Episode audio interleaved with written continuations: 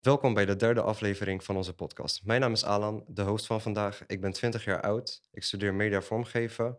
Uh, en ik ga het vandaag hebben over opgroeien als LGBTQ. Uh, wat voor ervaringen daarbij komen te kijken en waar, waar je tegenaan loopt als, uh, als een jongere die, die in deze schoenen staat. Uh, vandaag zit Sweda samen met mij aan tafel. Wil je even kort voorstellen? Hoi, ik ben Sweda. Ik ben 20 jaar en ik studeer media vormgeven. Ik heb in de tweede podcast ook als host meegedaan en ik ben heel enthousiast om dit keer weer mee te doen. En we hebben Jeffrey. Ik ben uh, uitgenodigd uh, via via. Ik vind het ook super fijn om hier te zijn. Ik uh, ben dus Jeffrey, werkzaam als leerkracht voortgezet speciaal onderwijs. En ja, dit onderwerp is ook voor mij heel dichtbij. Dus ik vind het leuk om uitgenodigd te zijn. Bedankt dat je wilde komen.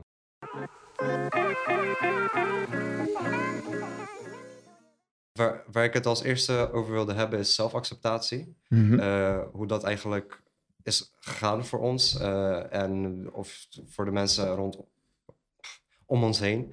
Um, voor de hele gemeenschap. Ja. ja. Zou ik de aftrap doen of hebben jullie iets zo, wat je heel graag wil delen? Um, nou ja, aangezien ik hier de opa ben, denk ik dat het goed is uh, dat jullie lekker beginnen. Want het is voor jullie allemaal nog fresh. jullie zijn, uh, jullie zijn lekker jong.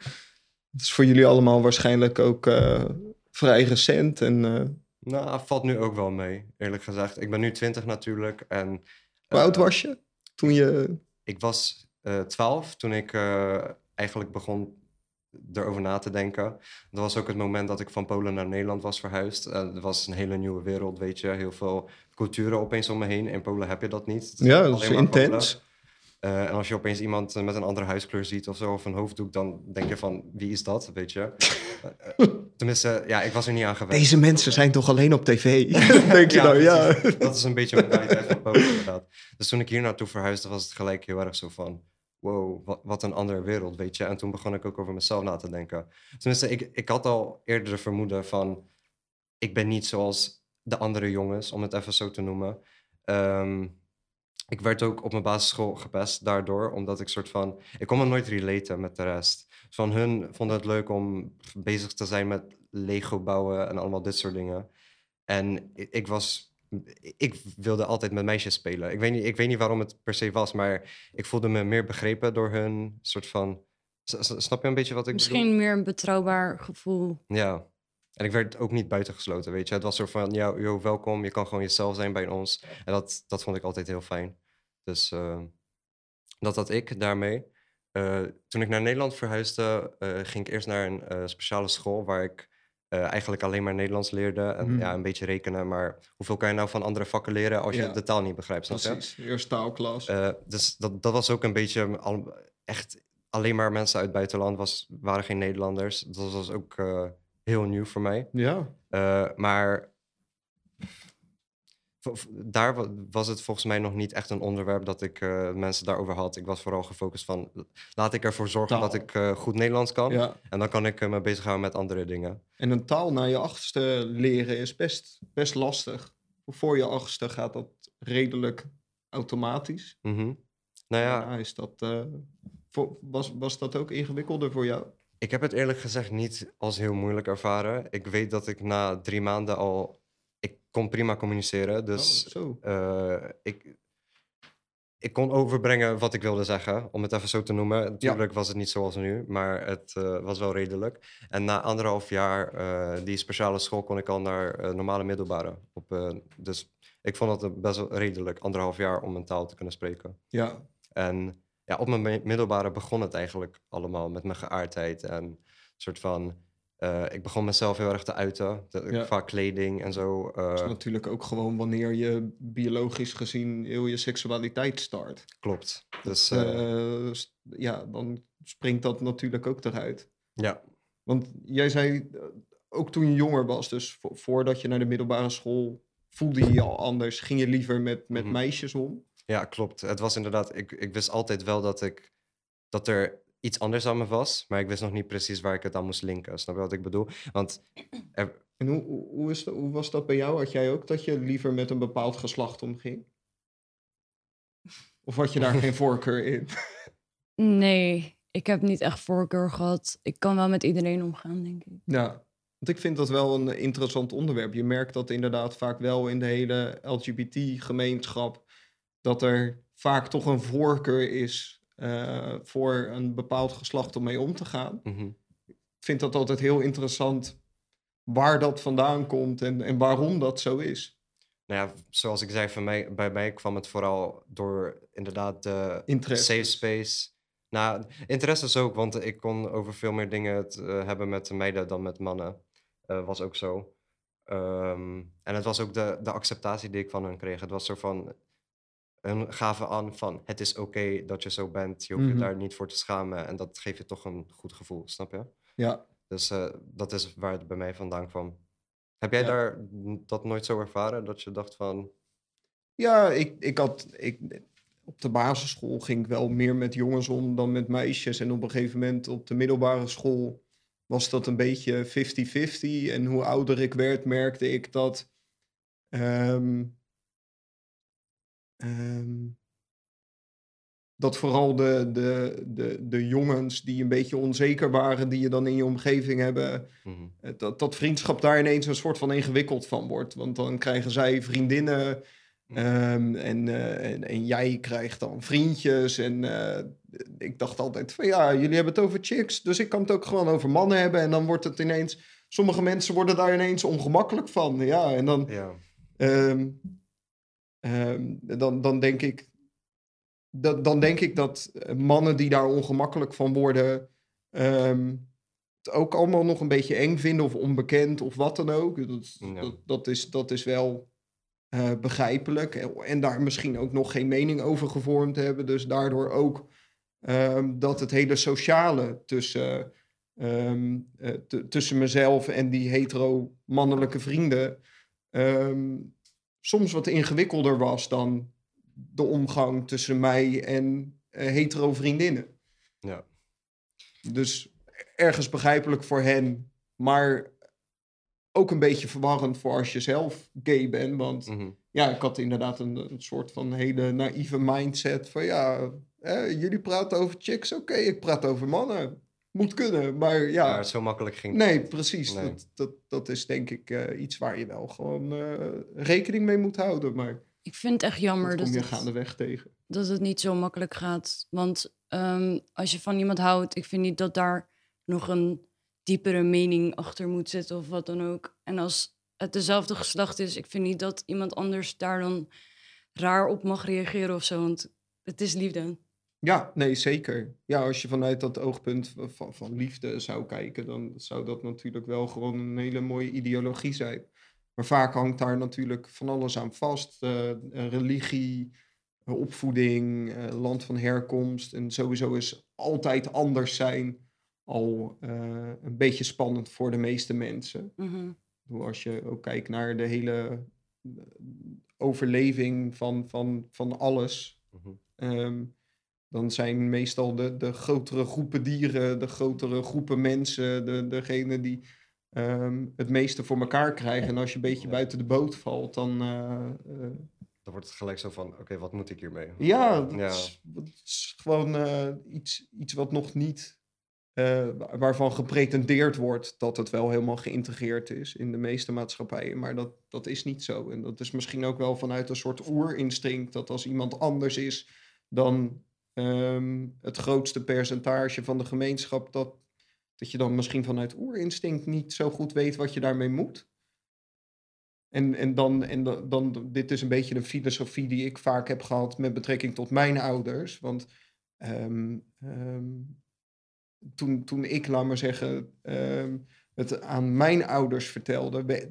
Ik weet bijvoorbeeld van mijn moeder dat zij zich vooral zorgen maakte over de rest van de Ja, wereld. hoe gaan hun daarop Ja. reageren? Wa- Ben je nog veilig? Ja. Ja, precies. Ik denk dat de oorzaak dat, er, dat het raar is om de- bijvoorbeeld te zeggen van ik heb een vriendje. Ik denk dat dat heel erg, eh, dat wordt meegenomen van, van je, vanaf klein zijn. Want op school worden we geleerd van man, vrouw, horen bij elkaar, weet je, horen bij elkaar. Mhm. Maar ehm, er werd nooit aan mij uitgelegd van het is ook normaal op, om op jongens te vallen. En dat is waarom ik, waarom ik het heel moeilijk vond om mezelf te accepteren. Want ik dacht van, als de rest van de wereld... Ik wist toen niet hoe groot de LGBTQ-wereld was natuurlijk. Maar als de rest van de wereld mij niet accepteert... hoe moet ik dan mezelf accepteren? Is er dan iets mis met mij, weet je? Mhm. Als je dan 12, 13 bent, dan, is, dan kan dat best lastig zijn. Dus eh, ik heb gelukkig wel hulp kunnen vinden bij iemand bij mij op school. Eh, die mij daar heel erg mee geholpen heeft. Die heeft ook aangegeven van het is oké om zo te zijn. Het is, er is niks mis met je. Dat was middelbare school. Dat was middelbare school inderdaad. Dus eh, dat, dat heb ik eh, heel fijn gevonden toen. In Nederland, toch? Dat was in Nederland, ja. Ik heb middelbare school in Nederland gedaan. Het is inderdaad wel heel fijn als je iemand hebt die, die je ergens daarin kan begeleiden. Of in ieder geval de bevestiging kan geven dat je inderdaad eh, wel gewoon oké bent zoals je bent. Precies, dat Ja. kan echt heel veel doen. En daarom dacht ik, da- daarom wilde ik ook deze podcast doen, weet je. Ook voor de mensen die zelf struggelen, het is oké. het is een soort van oké wie je bent en ik hoop dat je dat weet. Ehm, heb jij verder nog iets, eh, Ik denk, een dat, mening hierover? ik denk dat het vooral fijn is als een soort leidinggevende of docent of zo je de confirmatie geeft dat het oké is om zo te zijn. Omdat je vooral als jongere een beetje opkijkt naar je leidinggevende. En als diegene je uitlegt dat het oké is, ik denk dat dat dan heel je leven wel met je meegaat. Ja. Dus ik ben blij dat je zo iemand hebt gehad. Ja, zeker. En denken jullie dat het dan vooral belangrijk is dat er inderdaad dat het een ouder is, een rolmodel? Of maakt het echt gewoon Ik niet denk- uit wie je deze. Ik denk dat het sowieso fijn is om te horen, maakt niet uit wie het is. Maar ook uit persoonlijke ervaring, ik heb vroeger ook wel gehad dat ik het fijner vond om het te horen van een ouder persoon of leidinggevende. Omdat je denkt dat diegene meer levenservaring heeft gehad en je vertrouwt diegene meer.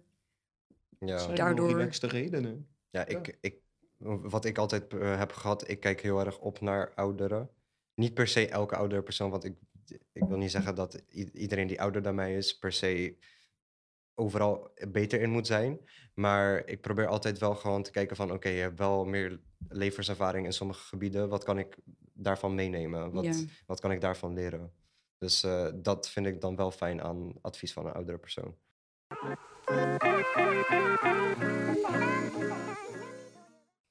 Eh, je zei net al eh, iets over uit de kast komen bij je ouders. Hoe, hoe was dat eigenlijk voor jou gegaan? Eh, ja, ik denk dat niemand relaxed uit de kast komt. Mm, gelukkig, gelukkig zijn er wel gevallen waar het kan. Mhm. En ik denk dat het heel veel aan de ouders ligt. Ja, Eh, Grotendeels. ja. Grotendeels. en geloof. Ja, ik denk Ja. dat religie daar een, eh, een grote rol in speelt. En wat ik bedoel met dat, dat ik denk dat niemand relaxed uit de kast komt, is omdat je dan op dat moment echt erkent dat je dus inderdaad anders bent eh, dan anderen. Ja. ja. En dat, dat, dat voelt gewoon in het begin niet chill.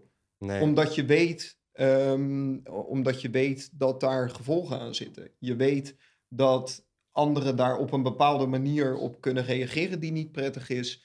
Eh, je weet dat ehm, er altijd net iets meer uitleg nodig is dan ehm, ja, bij, bij, bij, bij de hetero-gemeenschap. ja, je, je komt niet uit als hoi, ik ben hetero. Dat, Nee, dat gebeurt niet. Dat hoeft al niet. Nee. Ja, en, en ehm, ik weet niet hoe, hoe, dat, hoe jullie dat ervaren of hoe jullie dat voelen, maar ik heb eh, vooral een beetje bij, bij het uit de kast komen eh, een, een, een struggle gehad met mijn eigen beeld in hoe ziet mijn toekomst er dan uit als ehm, iemand die op hetzelfde geslacht valt. Want ja, eh, weet je, ineens het- het- het hele voortplantingsproces alleen al, Ja. Dat, ja, dat, is, dat werkt ook al anders. Dat Ja, kan niet klopt. zomaar. Ja, je kan Klopt. heel hard oefenen, maar er komen echt geen kinderen vandaan. Ja. Dus Ja, ik kan me daar niet persoonlijk heel direct mee relaten, omdat ik niet alleen maar op mannen val. Voor mij, in mijn geval is het mannen en vrouwen. Dus in die zin had, was ik niet zozeer bezig met hoe gaat mijn toekomst en leven eruit zien. Maar het was echt meer dat die, want ik heb het nu over uit de kast komen bij mijn ouders. Ik was meer bang voor mijn directe relatie met hun. Ik weet dat mijn vader een, een specifiek mening over eh, homo's heeft. Ja. eh, die niet heel positief was toen. Nu is het gelukkig wel een beetje veranderd. Ik heb hem dingen uitgelegd. En hij probeert er ook wel in te groeien. Maar ik denk dat hij het nooit 100% zou begrijpen. Ik heb aan hem uitgelegd van... Jij voel je aangetrokken tot vrouwen. En het is gewoon een gevoel. Het is niet dat je ervoor kiest. Je ziet iemand en je voel je aangetrokken tot diegene. Ik Ja. probeerde het een beetje op dezelfde manier aan mijn vader uit te leggen.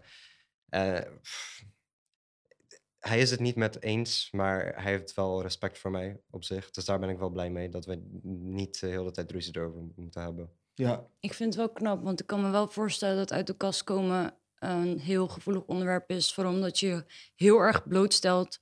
En eh, ik heb het gevoel met je ouders ook. Je voelt je al teruggetrokken, ook al hebben hun hetzelfde of misschien wel hetzelfde meegemaakt op de hoe ben jij op, hier op, op de aarde dan. Ja. Dus ik denk, ja, het voelt heel raar om dat te beseffen, maar het is wel zo. ja. ja, dat is iets wat je niet voor je wil zien. Nee, nu is het al te laat. ja. Wil je iets zeggen, Swelle? Ik wil iets zeggen. Zeg maar, Swelle. Ik vind persoonlijk dat labels echt nergens op slaan. Want ik vind dat met levenservaring, eh, gevoelens en al dat soort dingen, ik vind dat het altijd kan veranderen. En daarom Wat, vind wat ik. versta je onder labels? Ehm, ik denk meer qua seksualiteit. Denk ik. Ik vind dat daar geen label voor nodig is. Want je weet maar nooit waar je op kan vallen. Al is het een stoel. Ja. dat, Ja. ja, dat, dat lijkt me wel lastig. Ik denk dat je heel erg ondersteund voelt. ja. Ja, ja het is, een, het is een, een, een mooie gedachte. Lijkt mij vooral heel ingewikkeld als er geen labels zouden zijn. Omdat eh, als ik dan vanuit mezelf spreek, ik vind het heel prettig dat er, erg, dat, dat er labels zijn. En eh, dat is meer om, omdat mijn hoofd als een soort archiefkast werkt. Dan kan ik gewoon, oh ja, dat archief, oh ja, dus dit is wat jij fijn vindt en zo moet ik erop inspelen of op die manier moet ik ermee omgaan. Dan kan je rekening houden met anderen. Dan kan je, juist, precies. En ik denk dat, dat wat jij vooral wil zeggen, labels zijn niet oké op het moment dat je dat op een andere manier gebruikt. Het is Ja. juist eigenlijk bedoeld om ehm, eh, mensen te begrijpen en om elkaar Ja. te begrijpen en om het te kunnen categoriseren voor jezelf. eh, om daar op de juiste manier mee om te gaan. Maar vaak worden labels inderdaad misbruikt. Klopt. Ja. Ja. Zelfs in, in onze eigen gemeenschap. ja, is ook zo. Net wat, je, wat, wat, wat, wat jij net zei, Alan. Over dat bise- biseksualiteit. Ja, ik denk inderdaad dat wanneer je niet helemaal in een, eh, in een hokje valt, dat, dat, ook, dat je ook daarin soms tegen de lamp loopt. Dat je onzeker kan worden omdat je niet weet hoe je in elkaar zit. Oké, nou ja, dat is inderdaad een kant om, om daarnaar te kijken, inderdaad. Misschien inderdaad nog ingewikkelder voor jezelf. Ja. Ja. Ja, maar ik, ik vind sowieso... Ik, het leven is gewoon één grote vraagteken. En ik heb geleerd om gewoon te accepteren hoe het is. En ik hoef niet alles te weten. Ook van dat is mezelf. echt heel relaxed. Ja, dat is echt Ja. super chill.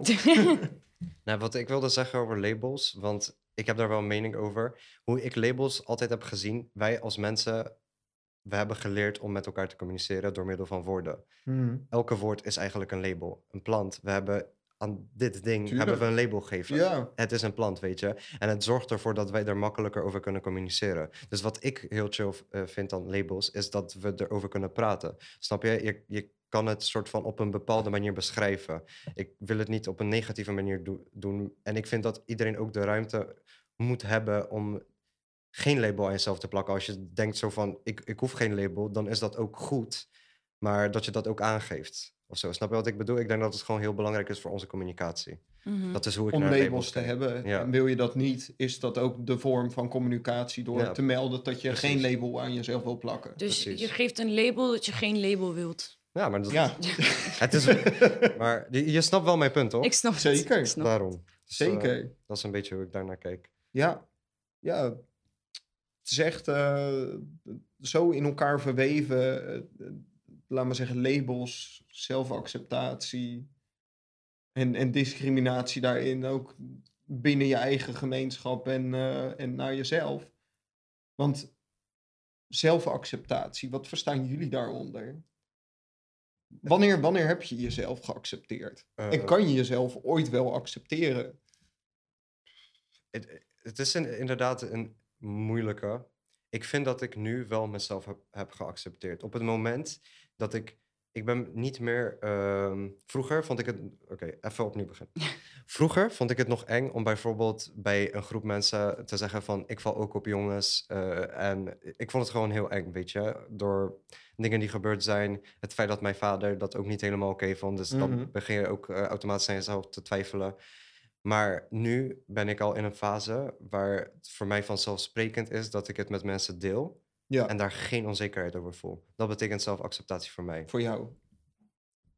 Ik had het ook op de tweede podcast erover. Ik vind dat zelfacceptatie begint als je van jezelf begint te houden. Ook al ben je onzeker over sommige dingen, dat je gewoon accepteert dat die dingen er zijn in plaats van probeert te veranderen. Positief en negatief aan jezelf accepteren. Ja, ik denk dat. dat Volgens mij heb jij zo'n relaxed mindset.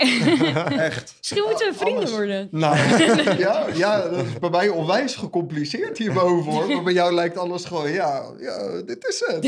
ja. Kom zie, kom sa. Dit, eh, ja. Eigenlijk ben je wel makkelijk in die zin, soort van. Ja, Go met de relaxed. flow. En je hebt nog net die meme aan mij laten zien van... Ja, ik wil best wel met de flow meegaan, maar wanneer begint de flow? Ja, Dat ben ik. dat is echt zijn. Oh, Ja, chill. Oké, ja. dus dat, dat is het voor jou. Ja, Vooral gewoon, just Ja. let it be. ik denk dat het heeft voor mij ook heel lang geduurd tot ik hier kwam, ook al ben ik maar twintig. Ik ben wel, vroeger was ik heel verlegen bijvoorbeeld. Ik durfde met niemand te praten door mijn onzekerheden. En ik dacht dat ik niet geaccepteerd zou worden zoals ik ben. Maar ik heb gewoon zelf geleerd dat de mensen om mij heen ook allemaal onzeker zijn. Het zit allemaal in hun. Al is het een klein beetje, iedereen heeft wel onzekerheden. Tuurlijk. En als jij, het ligt er maar net aan hoe jij diegene ehm, aanspreekt en hoe je ermee omgaat. Want je kan ook net zo goed een masker opdoen en doen alsof je de meest zelfverzekerde persoon ooit bent. En niemand zal wat doorhebben. En dat heb ik echt geleerd. Ja, ja, dat is ook zo. Ja, we hebben ook gewoon allemaal dezelfde basisemoties. Alles komt vanuit onze vier basisemoties en daar hoort die onzekerheid ook bij. En heb je dat niet, dan heb je waarschijnlijk, ben je waarschijnlijk psychiatrisch. als je helemaal niet onzeker bent. Maar ja, ja, ja. het is mooi dat jullie dat zo, eh, zo, zo kunnen, kunnen ervaren. Jij zegt Nou, vooral... ik ben niet...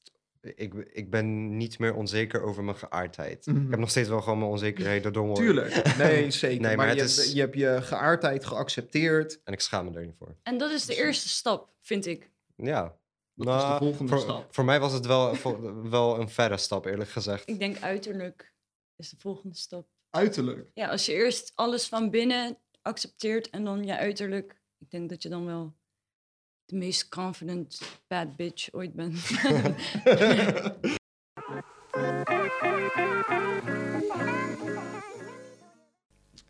Jij wilde iets zeggen, Ja, is- toch? Your cue. It's your cue. Ehm, waar voelen jullie jullie veilig? Wat is jullie safe space? Sowieso mijn vriendengroep, mijn schoolvriendengroep. Maar ik zie het ook gewoon als mijn vriendengroep, want zijn eh, mensen waar ik meest close mee ben. Ik zit nu op de opleiding media vormgeven, art en design. Eh, en letterlijk de eerste dag dat ik daar binnenkwam, op de, eh, de- hoe heet dat? Niet de sollicitatie, sollicitatie is bij je werk. Intake. Intake. Bij de intakegesprek, toen ik het schoolgebouw zag en mensen die daar rondliepen, leraren, ik dacht er zo van, ben ik in heaven beland? Leef ik nog? dus eh, ja, ik, ik vind het echt heel fijn dat ik in zo'n Waardoor school was het heaven? Omdat het, omdat het dus daar wel oké was om jezelf te zijn. En ik, me, ik heb me nog geen ene keer bedreigd gevoeld of zo. Of Ja. dat ik iets aan heb gedaan en dat iemand mij vies aankeek. Het is Oh, altijd ja. van, oh, echt leuk dat je experimenteert en dat je gewoon jezelf durft te zijn. Dat wordt daar juist soort van gepraised. Aangemoedigd. ja, ja, dat. Ik zit ook met allen op school op dezelfde opleiding. Eh, alleen in een andere klas. En ehm, ik voel me meer thuis in hun klas dan mijn klas. Omdat hun klas meer open-minded is, vind ik. Mhm. En ik heb daardoor ook heel veel tijd besteed bij hun, hun klas. Waardoor ik nu ook in zijn groepje hoor. En waardoor ik nu ook hier zit. Dus ik ben echt heel dankbaar dat ik je heb ontmoet eigenlijk. ik, ik ben ook dankbaar dat ik Oh. kennen. Cute. ja. Maar ehm, Ja, dus sowieso mijn school.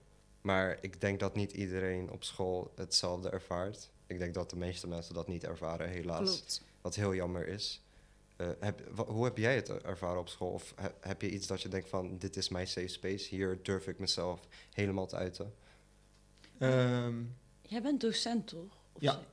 Oh, Hoe is het om als queer persoon docent te zijn? Is dat moeilijk? Of ehm, merk je dat? ik denk echt dat met alles, alles staat met mindset.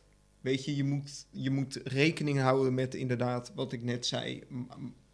Laat ik iemand anders ongemakkelijk voelen? Ehm, eh, dus hè, laat ik iemand anders zijn wie die mag zijn en, en mag ik mezelf zijn? En ja, dat heb ik dus ook eh, met het voor de klas staan. Ehm, ik heb er nooit echt problemen mee gehad. Eh, ben er wel altijd gewoon open over geweest. Ik heb ook super grappige dingen eh, eh, meegemaakt.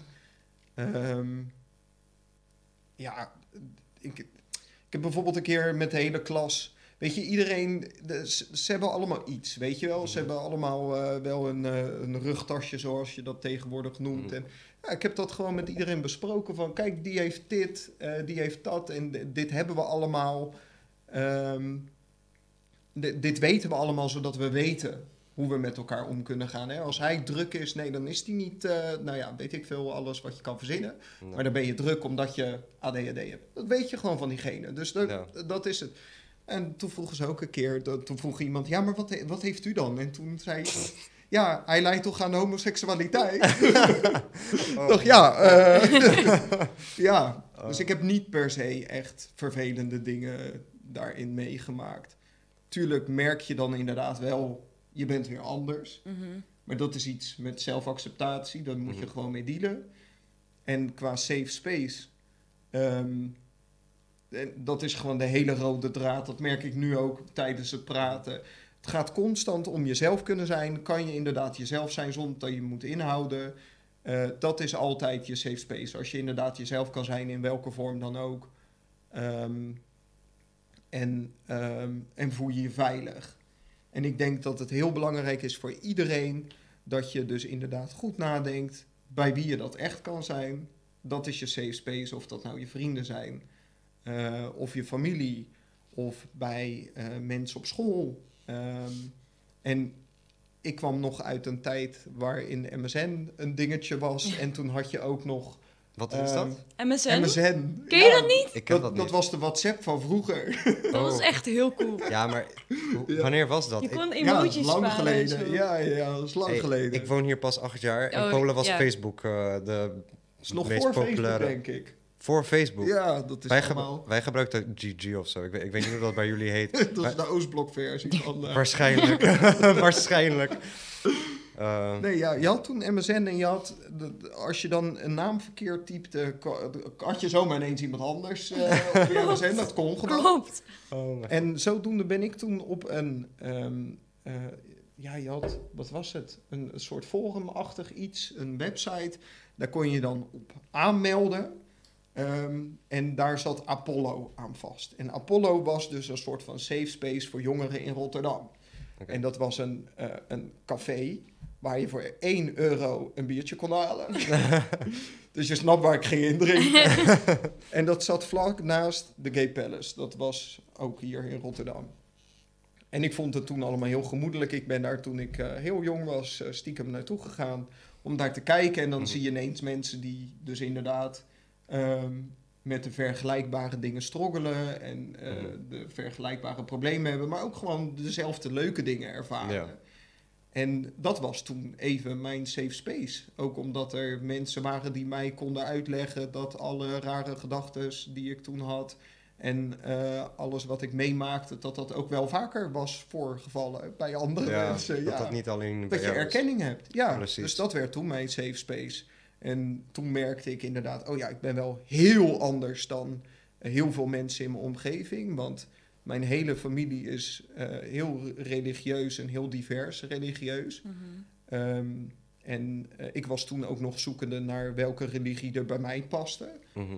Ehm, Dus wa- wat ik, wat, bij mij was het een soort roulatie. Oh ja, ik ga me met, met deze mensen omgeven, met deze mensen omgeven, met deze. En constant, ja, waar, waar voel ik me prettigst? Waar voel ik me veilig? Waar hoef ik niet te vechten? Dat is ook nog een eh, dingetje. Want- Kan je vechten?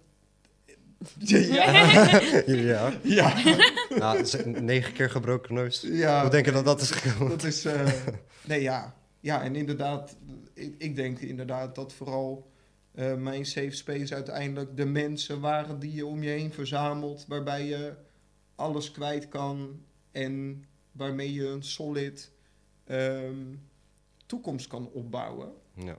En daarnaast eh, was mijn safe space de plek waarin ik met gelijkgestemden kon zijn. En als dat dan om seksualiteit gaat, is, is dat dus mijn gay vriendengroep. Mhm. eh, eh, bij de gay feestjes en ehm, eh, alles andere, al het andere wat met gay te maken heeft. ja. Ehm, en, en verder eh, is mijn safe space dus inderdaad bij andere eh, mensen waar ik me prettig voelt. En dat hoeft dan helemaal niet LGBTQ gerelateerd te zijn. Ja. Maar safe space is echt ontdekken. Ontdekken waar je je veilig voelt. ja, ik En denk dat het ook... Praat met Ja, anderen. vooral durven, denk ik. Ja, zodat je weet dat je veilig bent. Ja, maar ook aanvoelen. Wat ik altijd heel erg heb gehad is aanvoelen van... Denk ik dat ik het met diegene kan delen? Of moet ik het liever voor mezelf houden? Want wat ik eh, inderdaad mooi vond... eh, Je zei net van... Het is inderdaad, je moet even kijken... Wat, wat kan ik met eh, mijn familie doen? Wat kan ik met mijn vrienden doen? En dat is inderdaad gewoon... Soms moet je het aanvoelen en dan daar conclusies uittrekken. En dat zou ook waarschijnlijk niet altijd goed lopen. Nee, nee, ja, en nou, daar moet je ook gewoon rekening mee houden. Maar Ja, Maar safe space creëer je zelf. En dat kan je alleen maar doen door inderdaad heel goed af te tasten. Kijk, jij komt binnen in, eh, binnenlopen in de hemel voor jou. En dat is dan ook nog eens je opleiding. Ehm, en dat voel je dan gelijk aan. En al Mhm. praten, dan kom je erachter dat Ja. alles oké is, hè, wat jij zei. Eh, als je experimenteert, wordt dat daar een soort van aangemoedigd. Mhm. En ik weet niet hoe dat bij jou eh, is. Jouw safe spaces, er zijn de mensen, Ja, gaf je aan. mijn safe space, dat heb ik eigenlijk echt zelf niet gezocht, maar gewacht tot ik het kreeg. Soort van, bijvoorbeeld op mijn opleiding, ik sluitte mezelf heel erg buiten, omdat ik gelijk al zag dat ik me daar niet thuis voelde. En ehm, voor mij was het eigenlijk afwachten en kijken wat voor groepjes ze vormden en wel, waarbij ik het meeste paste, daar liep ik op af. Ja, En ik vond het ook wel fijn dat je mezelf benade- benaderde. ja. zodat jullie matties werden. Ja, ik denk dat het ook komt doordat we... We hebben best wel dezelfde mindset. En ik denk dat dat... normen en waarden, daar Ja. hebben we vandaag over gehad een beetje. Ja, en ik denk dat het onbewust dat we elkaar heel erg aantrokken daardoor. Mhm. Ja. Nou, wat ik nog wilde vertellen, ik denk dat wat een safe space voor de LGBTQ community kan zijn, is de Pride. En binnenkort hebben we een Pride in Rotterdam. Eh, het is tussen 17 en 26 juni. Z- 17 tot en met 26 juni. Ik weet niet of jullie van plan zijn om te gaan, maar ik ga zeker wel even, even een bezoekje plegen. Ja, Ik ben nog nooit naar een Pride geweest trouwens. Exciting. Ik maar ook het niet. lijkt me echt leuk. ja, het is heel gezellig. Het is, eh, eh, tenminste, ik vind het altijd heel gezellig. Ik, ik, ik kan wel uit ervaring vertellen, en dat is ook een beetje een kleine oproep voor de LGBTQ-omgeving, eh, voor onszelf. Zorg inderdaad dat die safe space omgeving ook een safe space omgeving blijft. Mhm. Want ehm, inderdaad, discriminatie onderling maakt die omgeving onveilig. Mhm. En vaak ook lust maakt ook vaak de omgeving onveilig. En eh, wat, wat ik inderdaad ook eh, eh, probeer te doen, om dus inderdaad een veilige omgeving voor, voor mijn LGTB LGBTQ plus, ja. Q plus omgeving te houden. Ook, ook in het onderwijs. ehm, dat je inderdaad als gene met levenservaring, waar we het Mhm. helemaal aan het begin over hadden, dat je ervoor zorgt dat je die levenservaring meeneemt en ervoor zorgt dat een ander niet ehm, eh, de fouten begaat of ehm, eh, de nare dingen hoeft mee te maken die jij eh, meemaakte. Ja. Doe wat, wat, ik, wat, wat, wat ik dan voor mezelf, wat bij mij gelijk in mijn hoofd schiet, als we het over vechten hebben. Ik dacht inderdaad vroeger altijd, "Ah, ik moet door iedereen geaccepteerd worden. Kijk daar die groep jongens staan. Ik ga daar gewoon doorheen lopen. Ik ga met een jongen zoenen. En eh, iedereen moet mij gewoon accepteren. En dan vervolgens ben je aan het vechten. Gewoon. ja, dat gebeurt gewoon. Dus Ja. dat soort dingen kan je het wel een beetje... Ja, ook een beetje dom. Ja, het is maar- dom, maar het is maar- super stoer. Ja, maar is ook wel een beetje dom. Ik heb het nooit gedaan. Ik, ik vond het altijd heel eng om, om zo, zoiets te doen. Ik had altijd zoiets van, nee, als, als ik denk dat hun mij niet gaan accepteren, dan ga ik maar met een grote, hoek, eh, een grote bocht eromheen. Ja, Dus Ja, ik. Was, ik was altijd heel erg aan het vermijden van... eh, Wat ook oké is, want het is voor je eigen veiligheid. ja. ik heb je nooit hoeft niet te provoceren, dat is Nee, gewoon... Kijk, nee. je kan er wel langslopen, maar je hoeft niet te provoceren. Nee, zeker niet is- zoenen voor, Nee. voor hun gezicht. Sommige mensen vinden dat gewoon niet prettig, dat moet je ook accepteren. Nee, ja. maar ja. En, dat is, en, en dat is denk ik ook met ehm, eh, hoe, hoe wij onze LGBT-gemeenschap eh, veilig kunnen houden, is door inderdaad ook met seksualiteit voorzichtig om te gaan. Ja. Want ehm, hoeveel mensen eh, ehm, ja, hebben niet een negatieve ervaring daarin. En dat is wel binnen onze eigen gemeenschap. En daar zijn we Ja. wel zelf verantwoordelijk voor. Dus die verantwoordelijkheid moeten we ook dragen. Dus eh, laten we er met z'n allen voor zorgen dat we het ook gewoon binnen onze gemeenschap veilig, gezellig houden. Ja, En ben dat het er we- helemaal mee eens. Ik vond dit eh, een mooie afsluiting. Ehm, ik wil nu nog even het woord geven aan Laura, onze spoken word talent. Die heeft vandaag een stukje voor ons voorbereid die gaat over dit onderwerp. Dus eh, hier komt het.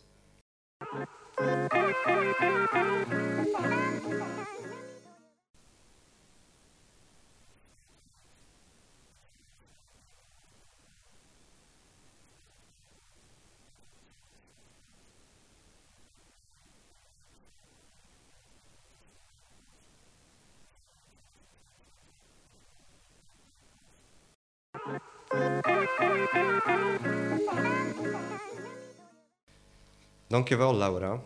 Eh, voor onze luisteraars wil ik nog heel erg bedanken voor het luisteren. We zien graag jullie reacties terug in de comments op onze Instagram, @colhavenconnect. En op dezelfde Instagram kunnen jullie een infographic vinden voor de mensen die zelf struggelen met hun seksualiteit of eh, bijvoorbeeld een moeilijke thuissituatie. Eh, ik heb een lijstje voorbereid met allemaal websites waar jullie terecht kunnen voor hulp. Eh, en ik wil sowieso aan jullie meegeven, jullie zijn niet alleen. Er zijn heel veel mensen om je heen die je heel graag willen steunen. Love you. Love you guys. Thank you for listening. Tot volgende keer.